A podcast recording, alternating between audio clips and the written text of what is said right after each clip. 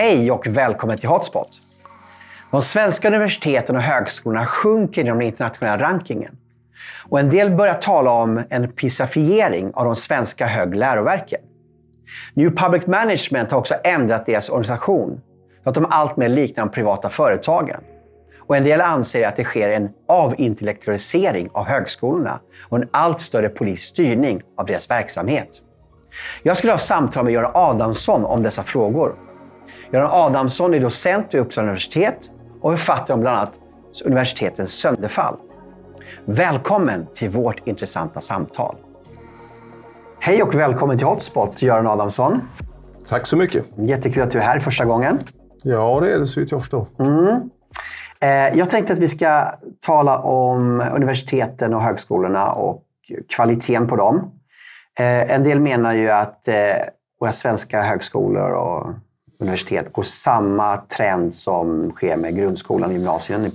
Pisafiering kallar det för det till och med. Mm. Eh, och, så jag tänkte det ska vara vårt, vårt huvudämne vi ska tala om här idag. Mm. Eh, men innan vi går in på det, så varför är universiteten och högskolorna det standard? Varför är allas angelägenhet, tycker du? Vad tror du? Eh, ja, det finns ju ett, egentligen ett ganska uppenbart svar. Eh, och Tillåt mig citera en gammal kollega som var professor i Lund. Mm. Han sa så här att eh, han sa så att universiteten är ett lackmustest för ett samhälles motståndskraft mot ideologiska påtryckningar. Eh, och så la han till ungefär någonting sånt här att, att om inte ett universitet, om det inte finns frihet inom ett universitet så finns det antagligen inte frihet någonstans i det samhället.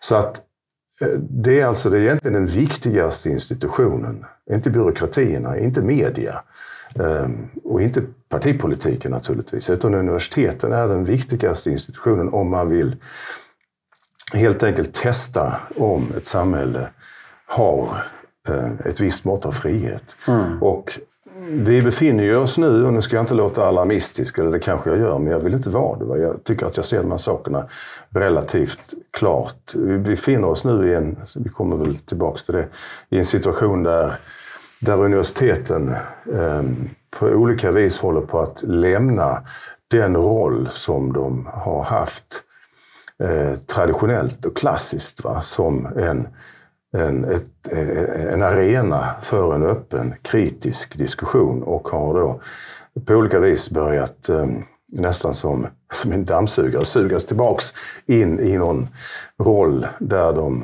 eh, är satta att exekvera olika typer av beslut som inte då fattas inom universiteten utan på andra håll. Mm.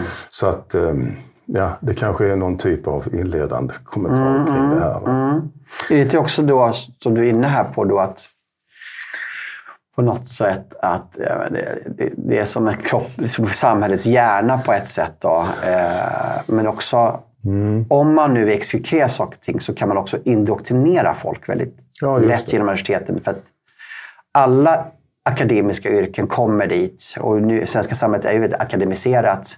Mm. Så kan du stoppa in vissa tankar så kommer det, går det ut i liksom alla samhällsformer. I lärare bland lärare, poliser, ja. you name it. Mm. Företagsledare. Mm. Alltså de som, precis. Det har skett en, det, är egentligen en, en, en eh, dubbel, ska man säga, dubbel trend. Å ena sidan så har allting akademiserats. Mm. Och sen, men genom den här akademiseringen så kan mm. man också politisera um, hela samhället. Om man är så slug och illvillig så att man vill fylla de stackars studenterna med inte i första hand med kunskap utan med eh, olika typer av eh, politiska diktat och mm. eh, åsikter. Och, alltså det som kallas för ideologiseringen mm. av universitetet. Och den utvecklingen, påstår jag som har verkat inom universitetet i svenska universitetet och även utomlands, den har, den har gått långt. Alltså. Mm.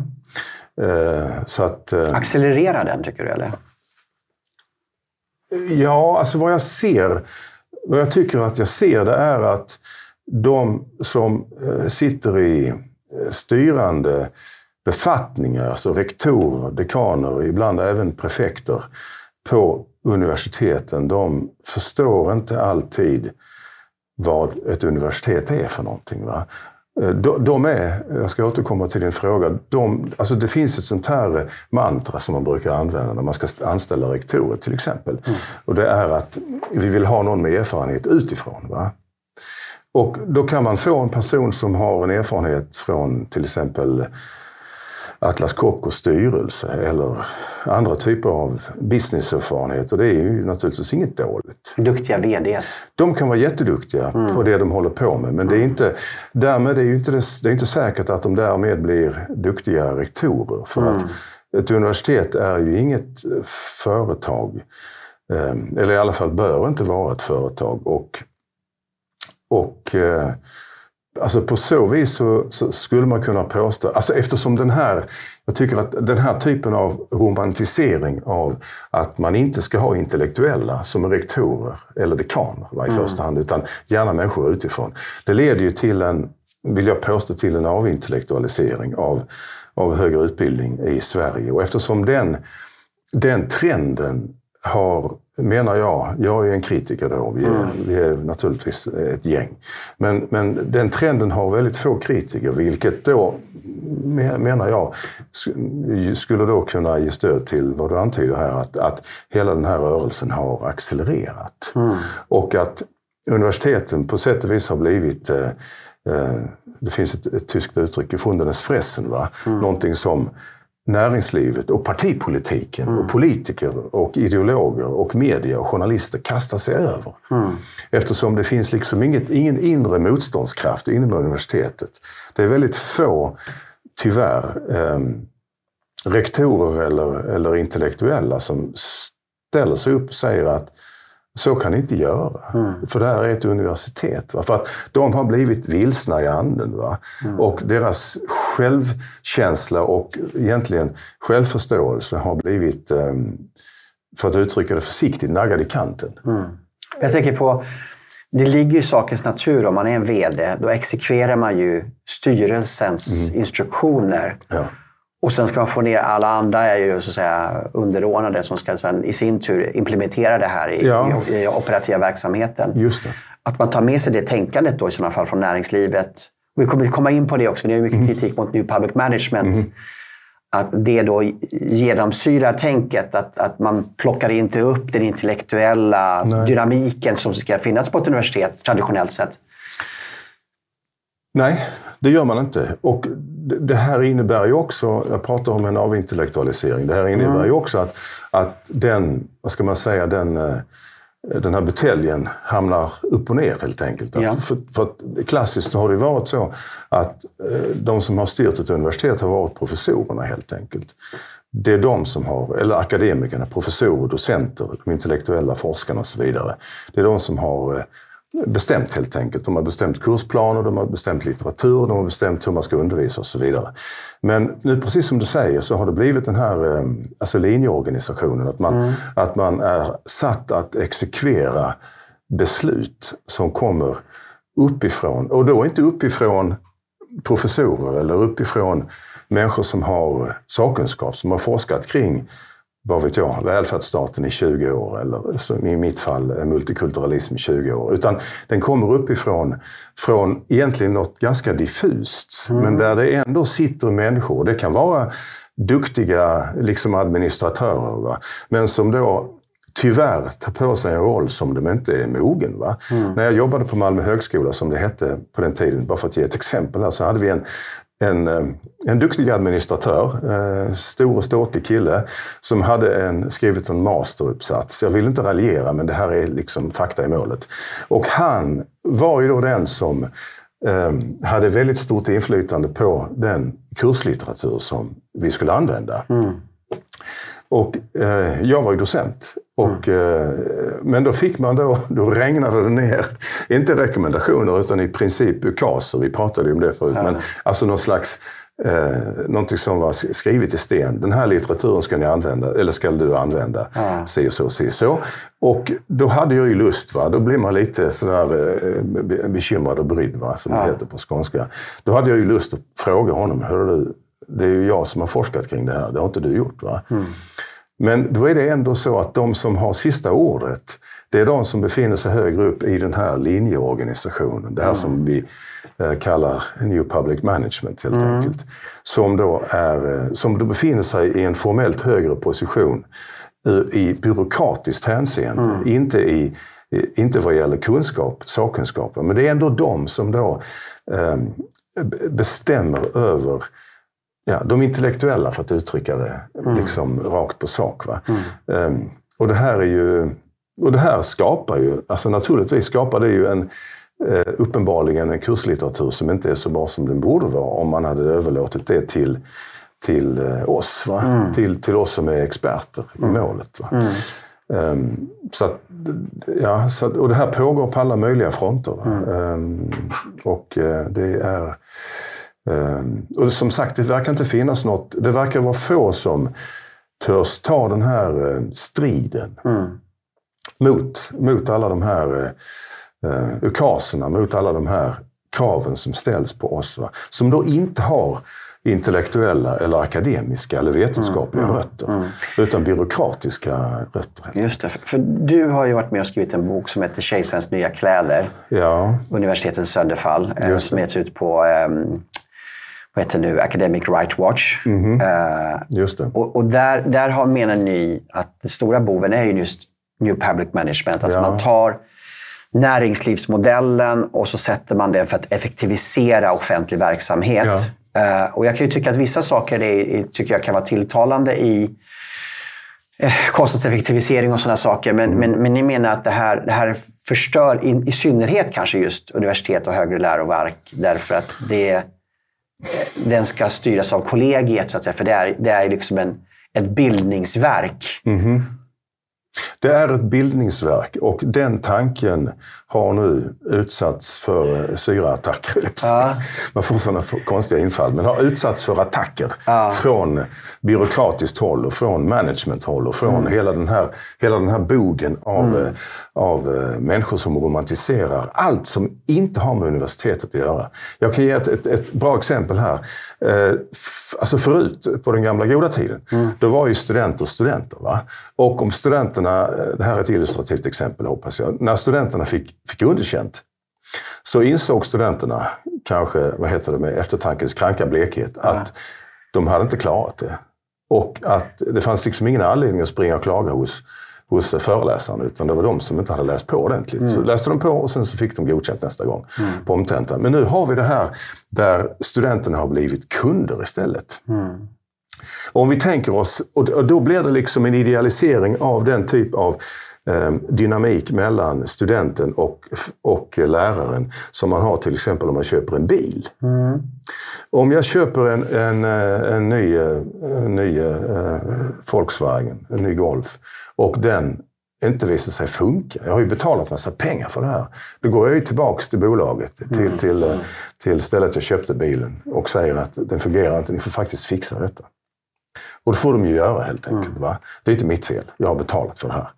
Och, men om vi då applicerar, vilket nu sker hela tiden, va? om vi applicerar det här kundtänket på universitetet så inser vi att det börjar ske skumma saker. Mm. Nämligen att när en, när då en student, also known as aka kund, miss, misslyckas med en tentamen. Va? Mm. Vad de då gör eh, oförblommerat är att de springer upp till mig. Eller till, ja, det händer inte så mycket för mig, jag vet inte varför, men jag, jag försöker vara ganska hands-on med mina studenter. Va? Men det, det händer ofta att studenterna eh, klagar helt enkelt och säger ungefär så här. Jag har betalat massa pengar för den här utbildningen mm. och nu har jag kört. Liksom. Jag körde på tentan. Det är ni som får fixa detta.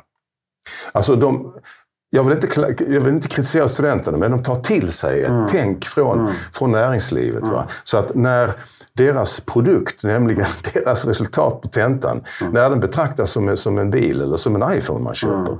och när den är liksom, eh, inte håller, eh, när den är dålig, mm. då är det inte deras fel. Va? Utan då är det företagets fel. Eller ja, företaget blir då eh, ett annat namn för universitetet. Va? Så att den, så att vad som händer här är att studenterna, vi fråntar studenterna deras skyldighet att, att läsa på ordentligt och istället så blir de eh, klagomaskiner, som en gammal kollega sa. Mm. De blir klagomaskiner. De klagar på oss när de mm. misslyckas. Men man tänker i näringslivet så har ju kunden alltid rätt. Man kunden har alltid... Studenten, ja. alltså studenten kan vi glömma. Utan ja. Kunden har då flyttat in eh, och ser ut som en ung student. Ja. Och är en ung student. Men ja. de, de, de, ska tydligen inte betrakta sig själva som det längre. Utan de ska se sig själva som, som, som en, någon som har köpt en produkt. Och produkten mm. håller, inte, håller, inte, håller inte hög klass. Nämligen svar, deras eget svar på deras tenta. Mm. Och när den håller dålig klass, om de har underkänt va? eller kanske inte har skrivit alls, mm. då är det som att en iPhone inte fungerar. Och Men de ser, de ser att ni är produkten som de köper. Utbildningen är produkten. Ja, ja, ni ser att det de skriver på tentan är egentligen den slutliga produkten. Om de kan ha kunskap och ta ja. till sig kunskapen. Ja. Ja. Mm. ja. Så de, eh, precis. Men, men då är det som att, och det här är ju, och jag formulerade det någon gång, i, jag vet inte om det var i den här boken du, mm. som du nämnde. Men jag, jag säger någonstans sånt här, något sånt här att vad vi ska göra, ja. det, är, det är vår skyldighet att göra studenterna eh, kunniga, starka och glada. Mm. Det är det. Mm. Vi ska göra dem kunniga, starka och glada. Va? Men istället så gör vi dem sköra och arga. Sköra, okunniga och arga. Mm. Och det är den typ av av eh, bedrövliga eh, liksom, eller, eller eh, tragiska gestalter som vi pumpar ut i, men, i, i samhällslivet, har, i, i byråkrati och överallt. Ja, men, men, men har inte det här grundläggts i väldigt tidig ålder? Alltså, vi, vi, vi är både en, i familjen så är föräldrarna curlar dem och i grundskolan curlar vi dem, i gymnasiet curlar vi dem. Ja, så att de förväntar ja. sig också på ett sätt att man ska göra allt för att hjälpa dem när de kommer till universitetsnivån. Jo. För det var en av de saker som förvånade mig när jag kom till universitetet. Jag valde att jag skulle få allting serverat. Ja. Men jag visste inte att kursen började, ingenting. Jag fick ta reda på allting själv. Ja. Och många av oss blev väldigt chockade för det. Ja. Sen anpassade vi oss och det fick det att fungera. Men, men att man, man kom med en viss mentalitet också till universiteten då. Ja, det, det gör man. Och det här är ju, är ju menar jag, en, en Alltså en tragik som drivs, jag vill inte vara ideologisk, men jag menar att den här tragiken drivs framförallt av en eh, komplett vilseledd vänster, framförallt. Mm. Va? Där man har en mängd människor, byråkrater och så vidare, som älskar att betrakta andra människor som svaga, som mm. är i behov av hjälp, stöd, tröst, eh, understöd och alla möjliga typer av speciella åtgärder för att mm. det får oss att känna oss goda. Mm vänliga, hjälpsamma, toleranta, inkluderande och fan hans moster. Va? Och det har blivit, har blivit liksom ett självspelande piano och allt det här. Va? Och om man då ifrågasätter det, mm. då är det, det är naturligtvis eh, förenat med risker. Va? Man säger mm. att, men herregud, den kan väl stå på egna ben. Va? Mm. För då får man mycket lätt eh, en stämpel att man är okänslig eller att man inte ser till studenternas bästa och vi måste mm. liksom, eller kundens bästa och så vidare. Va? Det är klart det blir en reaktion om man är van vid att... Det blir en reaktion. Ja, och det, det, är återigen, för att äh, återknyta till det jag kanske antydde förut, det här med att det finns inget motstånd. Det, det är också mycket svårt att ifrågasätta den här empatiska tsunamin, va? eller ja. den här empatiska agendan som har nästan blivit ett med universitetet. Ja. Men jag kan säga då vad jag, vad jag brukar göra och det har visat sig vara en bra metod. Jag brukar säga så här när jag börjar mm. mina undervisare, mina studenter, när jag träffar dem första gången. Så jag säger inte det alltid, men jag, jag har sagt flera gånger att jag är här, står här för att jag, jag är betald för detta. De betalar mig för att mm. stå här och ni får betala för att vara här, va? ta mm. studielån och så vidare. Jag kan jättemycket och ni kan inte så mycket nu, mm. men jag ska försöka lära er så mycket som möjligt. Va? Mm. Eh, alltså att man försöker få in studenterna, som jag vill kalla dem då, inte mm. kunderna, på den bogen. Va? Att de är här och de ska lära sig en massa och det är jävligt roligt. Mm.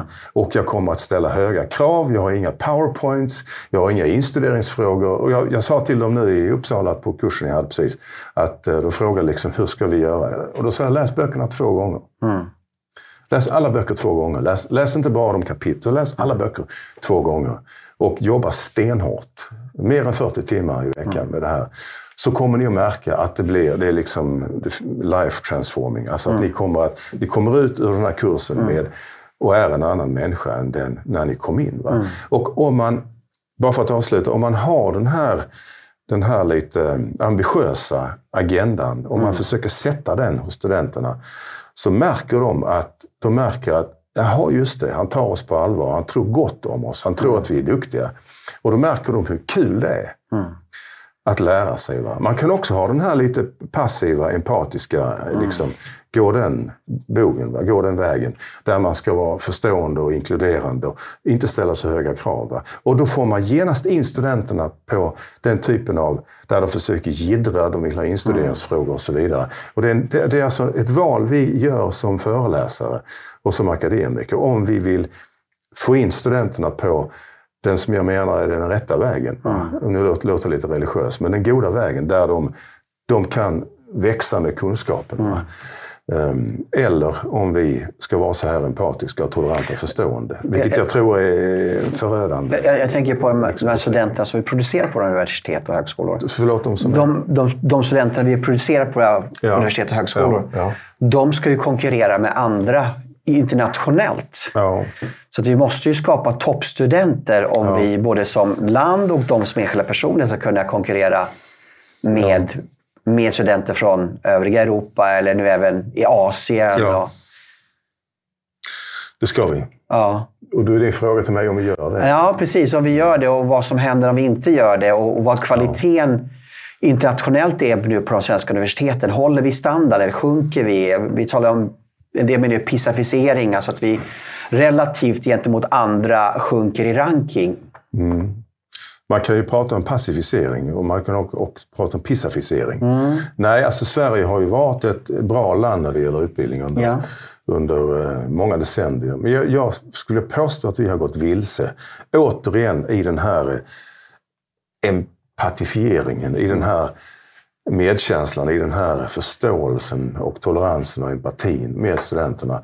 Där vi, eh, där vi har liksom egentligen gett upp den grundläggande tanken, nämligen att vi ska lära dem så mycket, så mycket vi bara kan. Mm. Och att vi ska få studenterna att förstå att de, de är inte här för att de ska kunna softa, utan de är här mm. för att mm. de ska behöva jobba jättehårt mm. och jättemycket för att um, Helt enkelt för att kunna, helt enkelt för att kunna bli kritiska eh, och mycket kunniga och självreflekterande människor. Va? Mm. Och här finns en annan aspekt som jag tycker är jävligt viktig när vi pratar om den här Alltså den här eh, Humboldt-idén av ett mm. universitet, nämligen att man, man, man, man, man klyver universitetet från resten av samhället.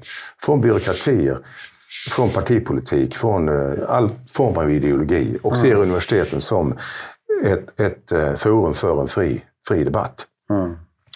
Eh, och för att om man driver den, nu låter jag kanske romantisk, men det är jag inte. Va? Jag tycker mm. bara att jag ser det här relativt klart. Om man driver den tanken till vägs ände va? och upprätthåller universiteten som en självständig, eh, liksom ett forum för öppen debatt, kritisk mm. debatt, själv, självreflekterande debatt. Då ger man samhället någonting fantastiskt. Man ger nämligen samhället förmågan till självreflektion. Mm. Det är ungefär som en människa som är självreflekterande. Mm. En människa som är självreflekterande, som du, som jag hoppas jag, mm. och som, som, eh, som är friska, va? Som, kan, som kan fungera i samhället. Det är människor som kan se brister hos sig själv och som kan eh, ja, åtgärda de här. Va? Och som, som inte springer runt eh, utan den här typen av, av eh, att se sig själv i spegeln. Mm. Som inte har den här lilla sparven som sitter på axeln och säger, hör du, nu får du att skärpa dig. Va? Mm. För att om vi tänker oss att, att, att uh, om vi tänker oss att, att det akademiska livet, som jag påstår sker nu, mm. um, råkar ut för en eskalerande ideologisering, en mm. politisering.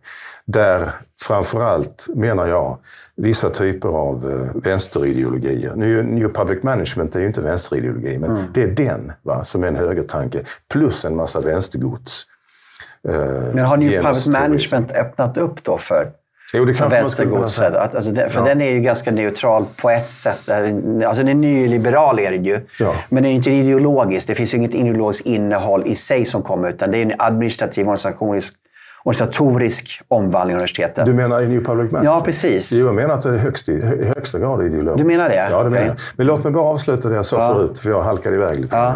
Jo, alltså om man tänker sig ett samhälle där där ett samhälle där universitetet mm. allt mer ideologiseras, politiseras. Mm. Mm. Och där universitet, där rektorer och dekaner och så vidare inte ställer sig upp och säger Don't call us, we'll call you. Det vill säga ge dem fingret helt mm. enkelt. Va? För att man vill upprätthålla det, det akademiska oberoendet. Om inte detta sker, mm. om, om universiteten ideologiseras och blir ett annex till ja. partipolitiken, då växer ett samhälle fram utan självreflektion. Mm. Då växer ett samhälle fram som inte, har, inte kan exekvera någon form av självkritik.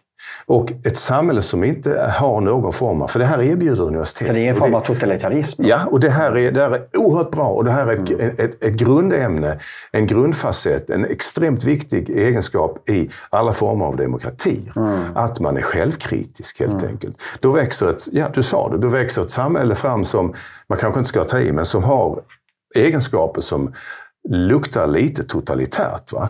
Och om man då återigen gör den här eh, analogin med, med en människa så är ju den människa som är vad man skulle kunna kalla en psykopat. Mm. Eller åtminstone en narcissist. En människa som vägrar ta ansvar för någonting den personen gör. Som är livrädd för självkritik och som är livrädd för att ställa sina egna, sin, sin egen, eh, sina egna handlingar under skeppan helt mm. enkelt. Mm. Så att, alltså, då blir image väldigt viktigt. Och då blir, du ser, mm. då blir, då, då, vad som händer då det är att alla anspråk på um, intellektualism, meritokrati, koherens, konsistens, eh, principer, allt sånt får ut genom fönstret. Mm.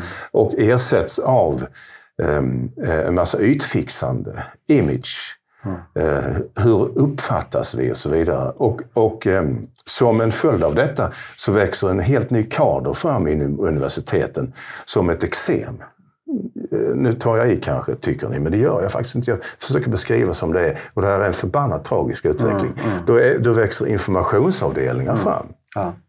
När, när professorerna hamnar på dekis eller betraktas som, som nördar eller något irrelevant, va? då växer informationsavdelningar fram som jobbar med universitetens image. Eller hur? Och alltså det, det, det, är fullständigt hårresande har då uppstått att de som är satta att, att ge universiteten liksom, att, att framställa universiteten som bra va? och som, som ska visa att universiteten är någonting, någonting som behövs i ett samhälle. Det är inte längre professorerna, det är inte längre artiklarna, det är inte längre hur vi rankas internationellt. Vi sjunker ju där, mm. universiteten och högskolorna i Sverige. Utan det är någon, någon jävla informationsavdelning mm. som jobbar med vår image. Mm. Och det är, det är då stackars rektorer som, som ska tala om, eh, som, som ger oss nya ledord. Till exempel, mm. där jag jobbade för eh, några år sedan. Um, där vi fick ett nytt ledord som vi då skulle gå runt och bubbla och sprida. Och nu säger jag det, för mm. det var så himla dumt. Mm. Um, det var så här, vi skulle då, han hade kommit på det här, jag vet inte om det var han om det var någon mm. managementkonsult, att vi skulle vara crazy enough vi skulle vara crazy enough. Och Vad tänkte, betyder det? Ja, you tell me. Ja. Och då tänkte jag så här i mitt stilla sinne. Det där är lite fjantigt, för att om vi vore crazy enough så skulle mm. ingen av oss här kunna skriva en avhandling. Mm. Men det är också en sån här... Det är liksom management-jidder. Mm. Eh, alltså, jag, jag, såg hur mina kollegor vred sig som en mas maska på en krok. Och jag tror till och med den här rektorn, som ju inte var en dumsnut, att han kände sig lite obekväm. Men han var då antagligen, hade fått en, en, ett pisksnärt någon annanstans ifrån. Mm. Där man skulle, när man ska hålla på med den här typen av innehållslöst snack. Och vad, vad händer i en sån situation då, när folk sätter sig på tvären? Ja, det går inte. Nej. Sätter man sig på tvären, då är man, då är man väl betraktad som, som illojal eller en dålig ja, kollega. Ja. Men det enda man gör då, ursäkta mig, det är att man försöker upprätthålla ja. någon form av intellektuell hederlighet. Så att om man ska, nu ska jag inte måla allting i svart. Alltså, det finns ju bra ställen. Jag har ju varit på Uppsala universitet nu och det är ju ett, eh, lite grann en, en oas. Det finns ju bra ställen och Uppsala mm. kanske är det bästa stället i Sverige, mm. skulle jag påstå. Både när det gäller de akademikerna och studenterna faktiskt. Mm. Um, men, men, men, men vad som händer då, det är att, att Alltså på det kan man ju lägga den svenska konformismen. Mm. Som också finns och kanske finns i, tyvärr, i väldigt stark utsträckning bland akademiker. Att det sprider sig en tystnadskultur och mm.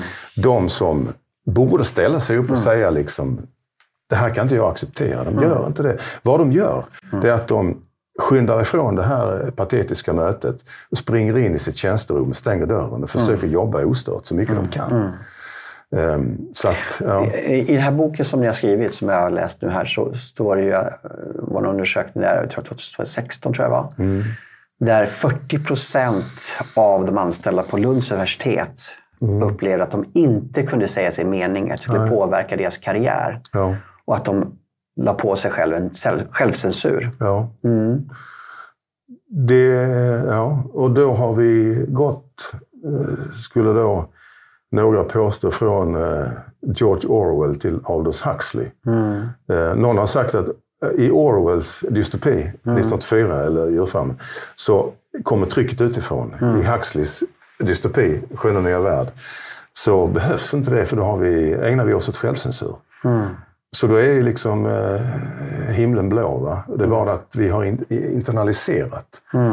eh, det här våldet och det här, den här eh, manipulationen. Och man tänker ju att universiteten är ju sista platsen det ska vara. Det ska vara den friaste platsen för tanken. Det är ju det som är själva syftet med universitetet. Ja, det är så tragiskt. Mm. Det, är så, det är så förfärligt. Ja.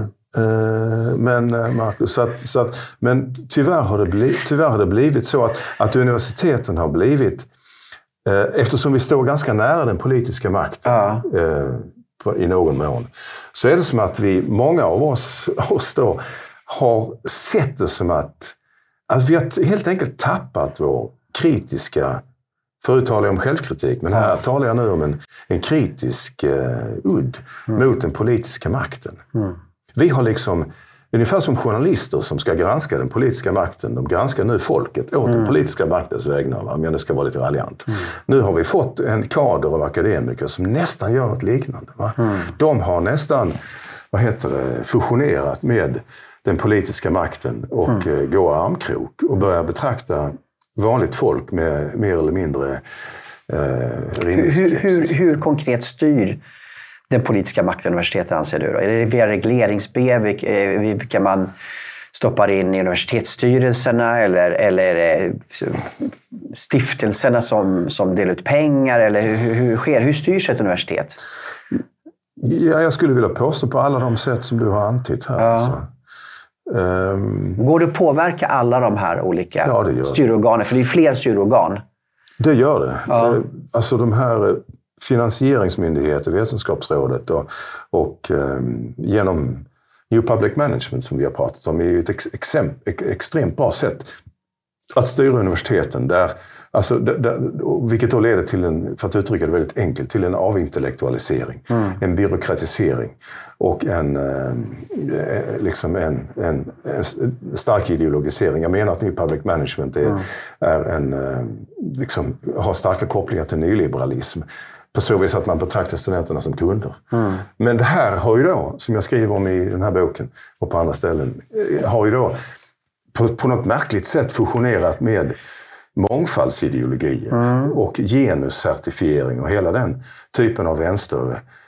Eh, Woke-idéerna. Hela woke. Mm. Så att New Public Management och de här, de har blivit bundisar. Mm.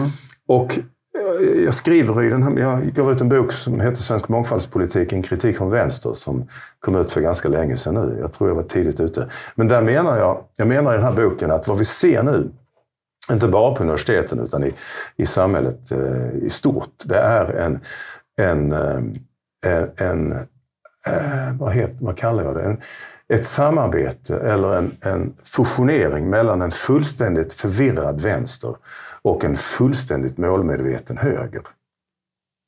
Alltså vänstern tror att den eh, kan genomföra det ditt och datt Men egentligen så tjänar det radikala högerintressen. Jag menar inte fascistiska intressen, men nyliberala intressen.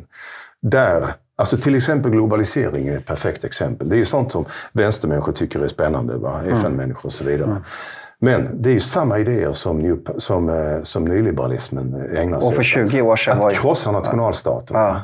Att, att krossa all, allting som har med eh, ska man säga, solida strukturer att göra. Som har att göra med välfärdsstaten, som har att göra med egentligen jämställdhet mellan män och kvinnor också. Nu ska allting, bli, allting ska liksom bli underställas någon slags eh, fantastisk eh, allseende eh, globalt eller managementöga. Och jag menar att det här är... Så att här är liksom, jag menar att vänstern är totalt förvirrad och fullständigt bortkollrad mm. av en aggressiv högerideologi som heter nyliberalism och globalisering. Mm. Och vänstermänniskorna har ingen aning om det här. Mm. Hur de exploateras. Men de utnyttjar det själva också. Med att Ja, kanalisera sina egna ide- ideal. Men jag, jag tänkte på, om, nu talar du om den här nivån i den yttersta ledningen då, eller ovanför universiteten. Eh, Hur är det liksom i rekryteringen på universiteten? Finns det en eh, ideologisk nepotism, en vänskapsnepotism, att man rekryterar samma sorts människor som man själv är? Ja, det, det gör det. Jag har en gammal kollega, eh, eller, eller en gammal föreläsare, Svante Nordin. Han sa något klokt. Han är emeritus för länge, sedan länge, men han sa något klokt att han log och så sa han en professor brukade vara eh, en person som alltid sa något annat. Nu är en professor en person som alltid säger samma sak. Så att professorn är inte längre en som testar gränserna och liksom provar något annat. Utan de, de har blivit eh, bekväma, försiktiga, liksom lite Kuvade? satta och kanske kuvade. Va? För de vet att det finns någonting, det finns någonting där uppe som man, vi nog måste ta hänsyn till. Och det, det, det, det tråkiga är att det gör det inte. Men vi tror att det gör det. Och eftersom vi tror att det gör det så flyttar ideologerna i Stockholm och partipolitikerna och även journalisterna fram positionerna. För de, det är liksom det här kadavret av det som en gång var ett, ett verkligt universitet. De kastar sig över det. Och motståndskraften och självrespekten bland akademiker, jag ska inte säga att den är noll, men den är väldigt liten. Och det är en fruktansvärd tragedi som pågår mitt framför ögonen på oss. Men det är ett väldigt vad ska jag säga, nyttigt redskap om man vill använda universitet som redskap till att forma en hel nation. Det är fantastiskt. Jag, jag tänker så här, du får pröva det här, det som jag säger nu. Men jag känner folk som har läst till socionom, till läst eh, ekonomi och läst till lärare. Och alla läser Michel Foucault och eh, Gör de. första eller andra terminen. Ja. Hur kommer det sig? Jo, det, det, det, det, gör de för att eh, universiteten verkar nu mer intresserade av att skapa förpolitiserade papegojor än att skapa kritiskt tänkande, självreflekterande eh, studenter. Eh, vi pratar oerhört mycket om Eh, att student, studenterna ska vara kritiskt tänkande individer. Det är för det mesta BS som det heter. Det är för det mesta strunt. För vad man menar det är att de ska vara kritiskt tänkande individer. För det är jag. Mm. Jag är en kritiskt tänkande människa. För jag har exakt de här politiska preferenserna. Jag vill inte tala om vilka preferenser det handlar om, men det kanske vi kan gissa oss till. Va? Och studenterna ska tänka precis som jag, för jag har sett ljuset. Och vara kritisk mot det jag gick Ja, men de ska vara kritiska mot det jag är kritisk. För då är de kloka och kritiska och, ref- och självreflekterande. Va? Och blir goda medborgare. Men det handlar ju alltså inte om... ehm, det fanns en kille som hette Yehudi Webster. Eller finns. Eh, underbar kille. Han skrev en bok som hette, som hette Against the Multicultural Agenda. Och den kom ut 97. Och den är fantastisk. Och redan där så säger han så här att, att vi, bör, vi bör skapa studenter som är... Eh, vi bör lära studenterna om gott och ont. Om rätt och fel. Och sen får de gå vilken väg de vill. Men vad vi istället gör inom universitetet nu, och jag skulle påstå att, att svenska universitetet är ett tragiskt exempel på exakt det här. Det är att vi istället skapar, istället vi lär studenterna att tycka gott. Och det som är gott, det är det vi säger. Vi, lär dem, vi, vi, vi gör dem till moraliska varelser. Vi ger dem ingen distans. Vi, ger dem ingen, vi lär dem inte att se saker och ting lite grann från sidan. Utan vi slänger dem rakt in i händelserna och sen kräver vi att de ska ta ställning. Va? Och då när de ska ta ställning så vill vi naturligtvis inte att de ska ta ställning mot oss, utan de ska tycka som vi gör. Och det här är, är eh, en tragedi. Det är fördummande. Ja, det är egentligen värre än det. Det innebär att vi, vi, eh, vi kräver att om inte studenterna drar de slutsatser som vi gör, om inte studenterna tycker ehm, samma sak som vi gör om Foucault, om Derrida, om eh, Deleuze eller om, eh, om mångfald och multikulturalism, om Gaza, om palestinier, om Israel, så är de eh, dåliga studenter. Eh, Jag säger till mina studenter att jag lär er det vetenskapliga hantverket och jag kan säga, tala om för dem var jag står. Liksom, si så. Men så länge ni håller er inom det vetenskapliga fältet så får ni dra, så får ni dra vilka slutsatser ni vill. Det ska ni veta. Ni kan ju naturligtvis inte vara, liksom, eh, säga att jorden är platt, va? men ni, ni får dra vilka slutsatser. Så länge era slutsatser är, är internt konsistenta. Mm. Och det är det som jag menar att många av oss akademiker, vi brister i den här punkten. Om en student är liberal eller konservativ eller vänster och den här studentens eh, resonemang är internt konsistenta inom den här gruppen eller om de är mm. hermeneutiker eller eh, positivister eller vad du vill. Då ska vi acceptera det. va? Mm. Men det gör vi inte för att vi har blivit så, skulle jag vilja påstå, många akademiker har blivit så självcentrerade. Och vi har gått vilse i vår egen känsla av, av eh, godhet och av liksom... Självgodhet. Något, självgodhet, mm. exakt. En godhet som övergår i mm. självgodhet. Och det finns nästan något religiöst i det här. Mm. Va? Att vi har sett ljuset. Och så när studenterna inte ser ljuset eller ifrågasätter eller kanske mm. till och med drar på munnen åt det, mm. så blir vi arga på dem. Mm. Och ger dem kanske underkänt. Så att, och där menar jag att, student, att universiteten har, har fallerat fullständigt. Man kan ju uppleva det nästan lite gnosticistiskt, sekteristiskt över detta. Ja, det är klart man kan. Men, men du, eh, jag skulle vilja gå in på en, en sak här innan vi avslutar. Och det är ju att du drar ju paralleller mellan korporativismen Kooperativismen, ja. ja. Mm. Och det som sker på universiteten. Ja. Eh, för första, kan du bara förklara för publiken vad korporativismen är för någonting? Ja, alltså kooperativismen det är ju det är liksom en samhällsform. Jag skrev ju en avhandling om Österrike och Österrike mm. brukar framställas som eh, kooperativismen eh, per se, liksom, mm. eller egenskap av ett land. Det är, det är liksom en, en tanke att där man har eh, liksom korporativa system och där korporationer kan utöva inflytande på, eh, på samhället och på politiken. Och Eh, I Österrike så kom det här till uttryck på så vis att man hade, det växte fram två stycken politiska partier. Nämligen, efter kriget? Ja, just det. Efter För det fanns ju innan kriget också, hade ju Faderlandsfronten. Det, det gjorde det också, ja. men det, det, det, kan jag faktiskt inte speciellt mm. mycket om. Men i Österrike så hade vi då ett system där två politiska partier, det var VVP, Volkspartei, alltså ett konservativt parti, och Eh, Eh, och det som man kallar eh, Socialdemokraterna i Österrike helt enkelt. Det var de båda partierna som eh, hade den politiska makten, som styrde det politiska livet i Österrike enligt korporativistiska principer. Och eh, det här, det fick ju då eh, ganska märkliga konsekvenser, nämligen att, att eh, de här båda partierna var då helt enkelt statsbärande och de Eh, kunde knappast ifrågasättas och de styrde, eh, de styrde ideologin, de styrde tv-väsendet, de styrde hela det offentliga livet och byråkratin och allt det här. Och det var ju bland annat så här att om man ville få en, en bra position, ett bra jobb inom till exempel media i, i, eh, i Österrike, så var det bra eller det kanske till och med var, man sa att det var it's a good thing, was gutes. Om man hade ett partikort.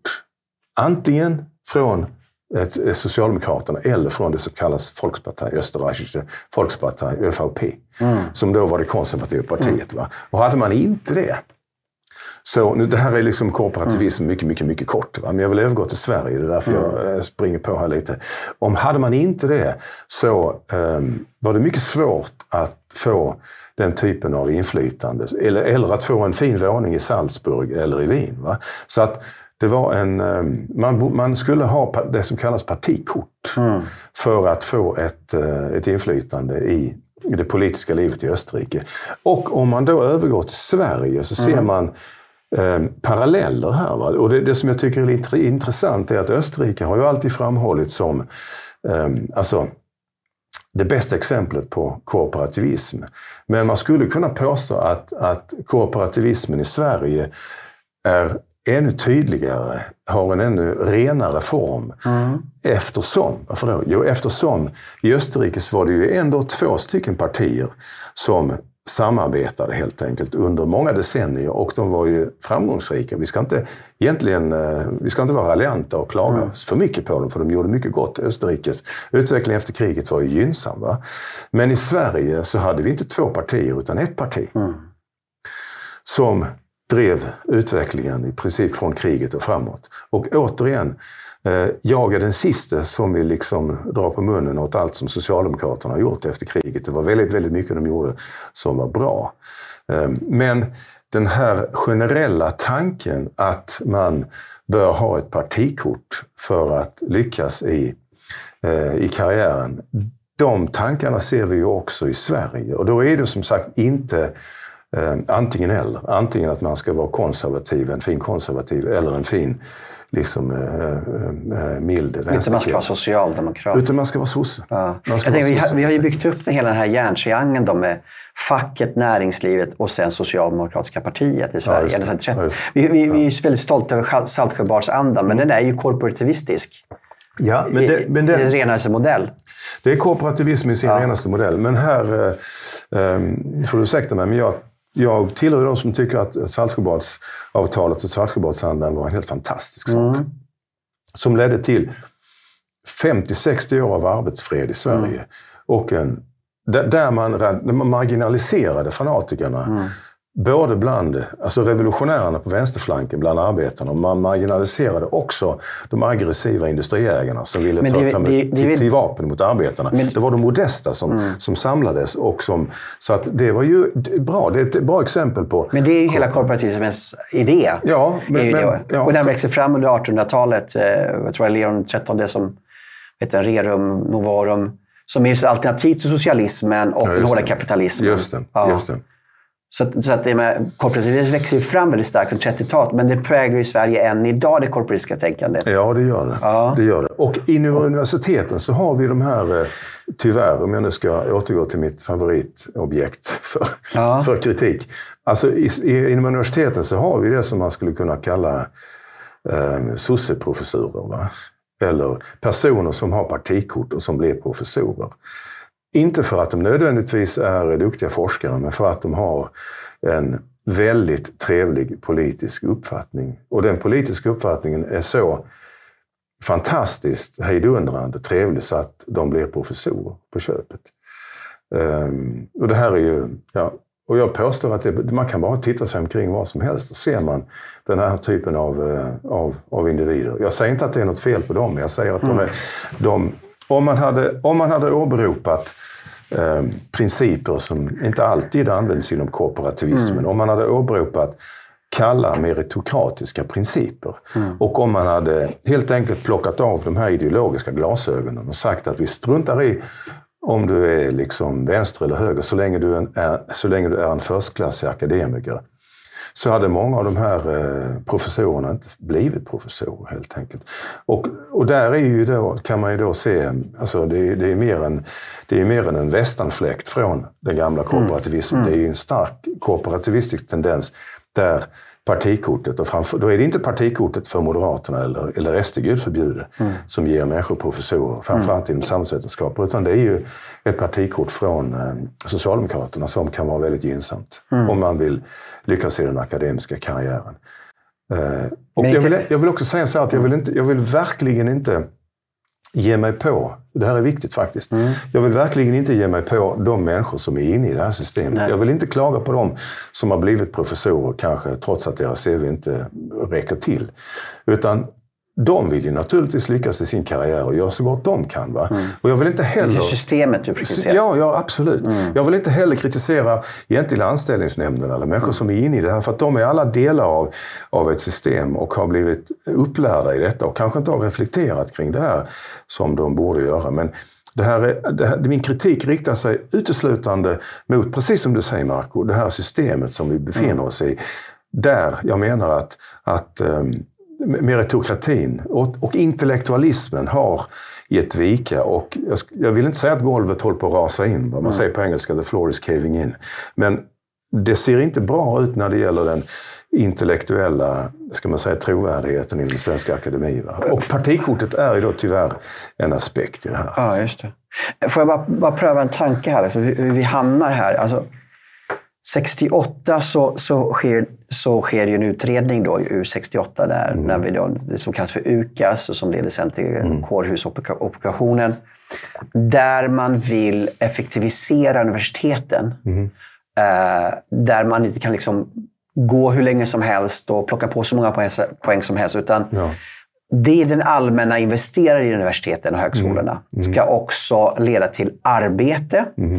Och därför vill man också få in näringslivet att få styra mer vad som, vad som undervisas, hur kurserna läggs upp på universiteten. Mm. Och därmed tar man också in facket, för man kan inte bara ha eh, näringslivet. Nej. Att här, ske, här börjar ske en styrning av universitetet Mm. under 60, ja, 70-talet blir det, under PUKAS då, som den heter. Ja. Eh, och att det idag har tagits över av, inte näringslivet, jo delvis förstås, men, men framför allt kanske av det ideologiska som vi talade om tidigare, här woke-ideologin. Att man, liksom, man har plöjt upp en väg för, för de utanför att styra innehållet på universiteten.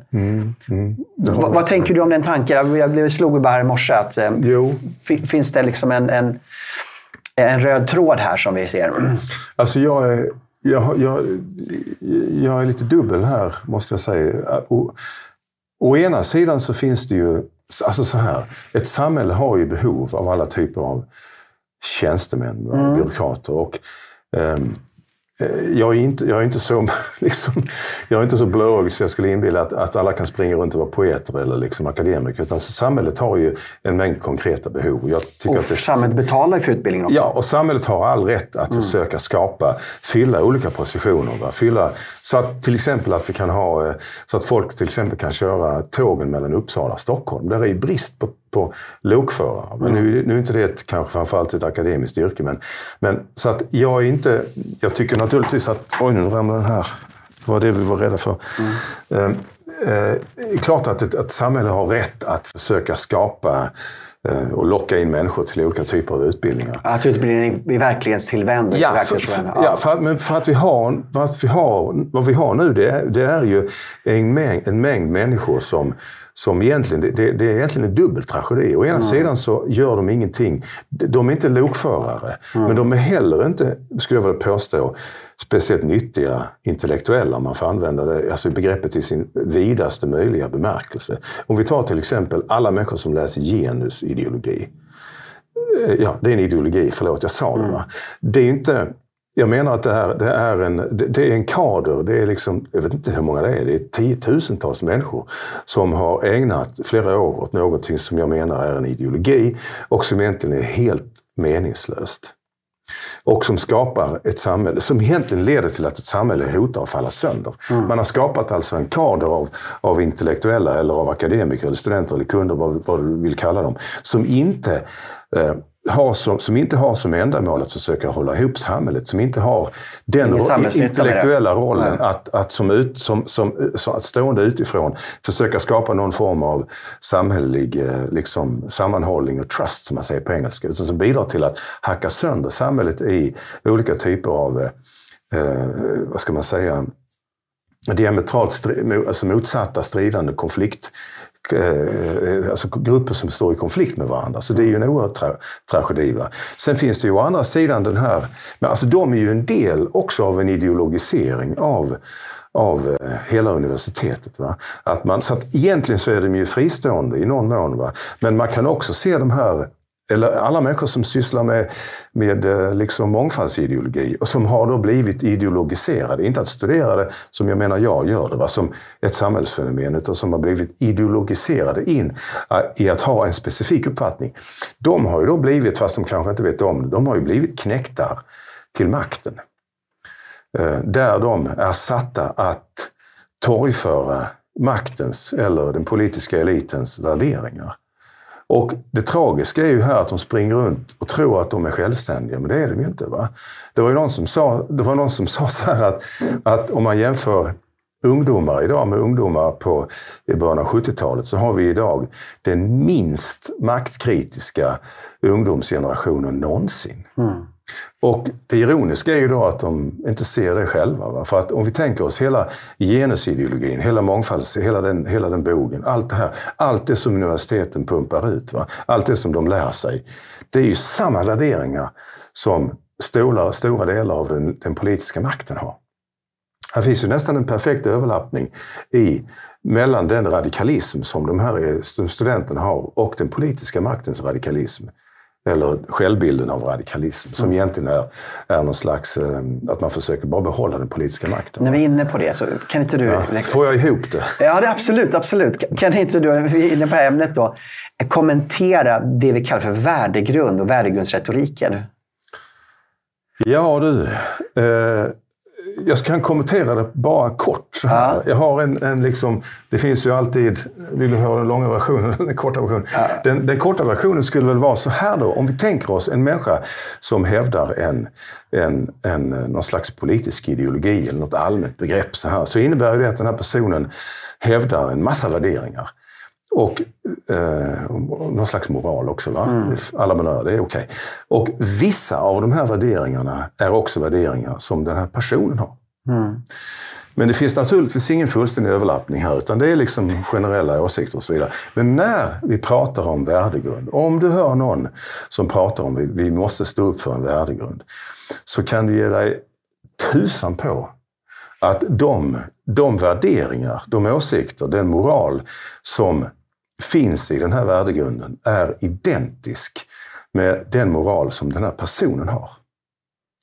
Så att, och då är det så att en person, man kan inte hålla, man kan inte, kan inte hålla en dragning på ett universitet och säga så här, hörni ni, jag tycker ni, alla, ni måste alla tycka precis som jag, för jag är så jäkla bra. Va? Mm. Det skulle inte folk uppskatta. Va? Och vad man då gör är att man klär sin egoism och sin eh, kråkvinkel, eh, liksom, kråkvinkelperspektiv och sin egentligen arrogans och sin okunskap i ett flott begrepp. Och det begreppet har vi hittat och det heter värdegrund. Va? Men det är svårt att stå emot det. Och vi måste jobba ja. på vår värdegrund. Va? Ja. Och um, jag tycker det, det, det, alla människor som, jag brukar säga om folk använder begreppet värdegrund, så osäkra jag min slangbella det är charlataner. Ja. Det är människor som inte, som, inte är, som inte är kvar för sin hatt, eller vad man mm. skulle säga. De är inte kvinna för sin hatt eller för sitt paraply. De kan inte säga så här, jag har ett, jag har ett gäng åsikter. Vad tycker ni om dem? Mm. För, för, att värdegrunden är ju sånt som torgförs som om det är en, eh, en eh, sanning nästan som kommer från Gud. Va? Det är inget som kan ifrågasättas. Va? Men om du, om du försöker vara konkret och, och liksom plocka ner det här, mm. så inser du att den här värdegrunden innehåller en massa, massa, massa, massa moraliska ståndpunkter och värderingar som alla kan ifrågasättas. Eh, du, du, du, nämnde här också kring Österrike. Där var det ju alternativet att antingen ta emot den korporatism vi har och de ovärderingar vi har, eller så är mm. alternativet fascism. Just det. Och det är ju liknande retorik i Sverige. Jättebra, mm. jättebra. Jag måste erkänna att när jag pratar om korporativism så är jag lite rostig. Ja. Men när du nu tar upp det här, perfekt. Mm. Det skriver jag också om i min avhandling. Att, att det är också den här extremt polariserade, orättvisa, oförskämda attityden. Va? Att, att om ni, och här kan vi, känner man ju verkligen historiens vingslag när man, när man tittar och ser runt i Sverige idag, va? 2024. Som det eh, när, man, när man säger så här att, eh, ja precis, tar ni inte emot korporativismen så är ni fascister. Mm. Tycker ni inte att, att, att multikulturalism är jättebra? Jaha, det trodde jag inte om dig. va? Jaså? Ja, så är du, eh, är du liksom xenofob eller vad är du för typ? Va? Alltså att man, man, man, man har bara två positioner. Va? Och det här, om jag nu ska, det här blir, ännu, det blir så ironiskt att mm. det finns ingen ände på ironin. Det här är ju människor som säger att eh, de, är, de är emot det binära tänkandet. The mm. binary thinking. Vi ska inte tänka så svartvitt. Mm. Men det är exakt det de gör när de säger omedelbart, va? om man ifrågasätter någon av de här typerna av eh, heligheter från eh, vänster, vänster, vänsterkanten. Va? Mm. Att om man ifrågasätter dem så säger de stopp. Jaså, du befinner dig här ute. Mm. Men det är klart man inte gör. Att man försöker bara ha någon slags ja. diskussion, va? en öppen diskussion. Men, men, så det, det är en väldigt bra illustration av mm. den här korporativistiska idén. Får jag fråga en sista ja. fråga? Väldigt kort svar. Mm. Jag ska försöka mig på ett kort svar. Ja, De glider faktiskt nästan ut ja. i princip. Ja. Men det som slog mig när jag tittade på korporativismen, den växer fram i slutet av 1800-talet. Jag nämnde Leon XIII, vad man skrev om det. Mm. Eh, den skrivs för att det skapas spänningar i samhället mellan socialister mm. och det gamla samhället. Idag har vi multikulturalism. Eh, som finns potential att bli väldigt mycket konflikter. Mm. Mm, och, och, att man här då använder korporativismen som ett redskap, därför att korporativismen handlar om representation. Mm. det är inte, det är inte byggt på demokratin, på majoritetsbeslut, Nej. utan att olika grupper kommer som representanter och så kommer man överens. Mm. Och du talar om den här mångfalden. Vi ska ha in människor med olika mångfald, vare sig det är sexuella grupper eller kvinnor, eller det är etiska grupper och så vidare. Det är ju en form av korporativism, att skapa en harmonin i samhället för att det inte ska bli eh, ett konfliktfyllt samhälle. Mm. Och konfliktfyllt ska- är exakt vad det blir. Ja. Jag skulle bara att du kommenterar kort på den tanken.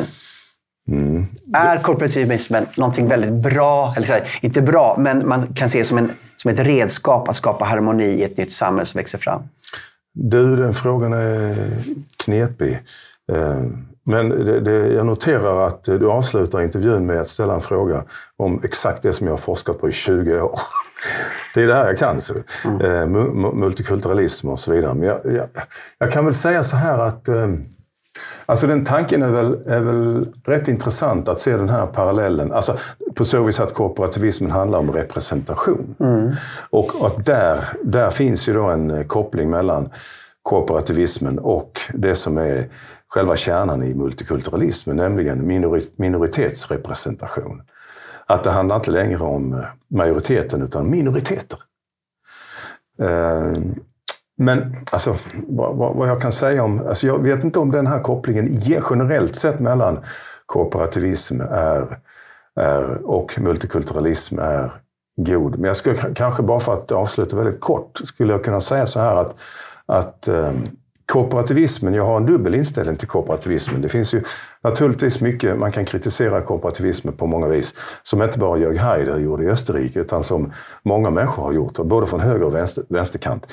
Men det finns också till exempel Saltsjöbadsavtalet. Det finns många saker som är väldigt, väldigt bra med kooperativismen, Nämligen att man kan till exempel marginalisera fanatikerna på ömse sidor. Så, så, och de, så att de moderata arbetarna och de moderata inom, inom arbetsgivarsidan kan producera något som är fantastiskt faktiskt, som vi gjorde i Sverige. Så det finns goda saker med korporativismen. Däremot vill jag då påstå, så, är det, så har jag svårt att hitta någonting gott i multikulturalismen. Eftersom det, är, det här är ju en ideologi som påstås skapa eh, tolerans och nyfikenhet och eh, förståelse och inkludering. Men jag tror inte den gör det alls eftersom den glömmer den glömmer det allra viktigaste i ett samhälle. Det, och det är nämligen så här att vi måste fokusera på det som för oss samman och inte på det som skiljer oss åt. Och det är därför multikulturalismen alltid har varit och kommer att bli ett misslyckande. Jag tänker på Libanon som ett exempel på Ja. Mm. korporativism, multikulturalism. Att du har en maronit, en sunnimuslim och en shia-muslim som delar på makten. Ja, Där har du ju ett sånt, men det är också en väldigt svag stat. den är väldigt svag. Ja. Tack så jättemycket Göran att du kom. Tack ska du ha. Det var väldigt trevligt att vara här. Tack för en intressant diskussion. Mm, verkligen. Tack. Och tack till er som har lyssnat och dela gärna med dig av dessa intressanta tankar på sociala medier. Och välkommen tillbaka nästa lördag. Tack så jättemycket.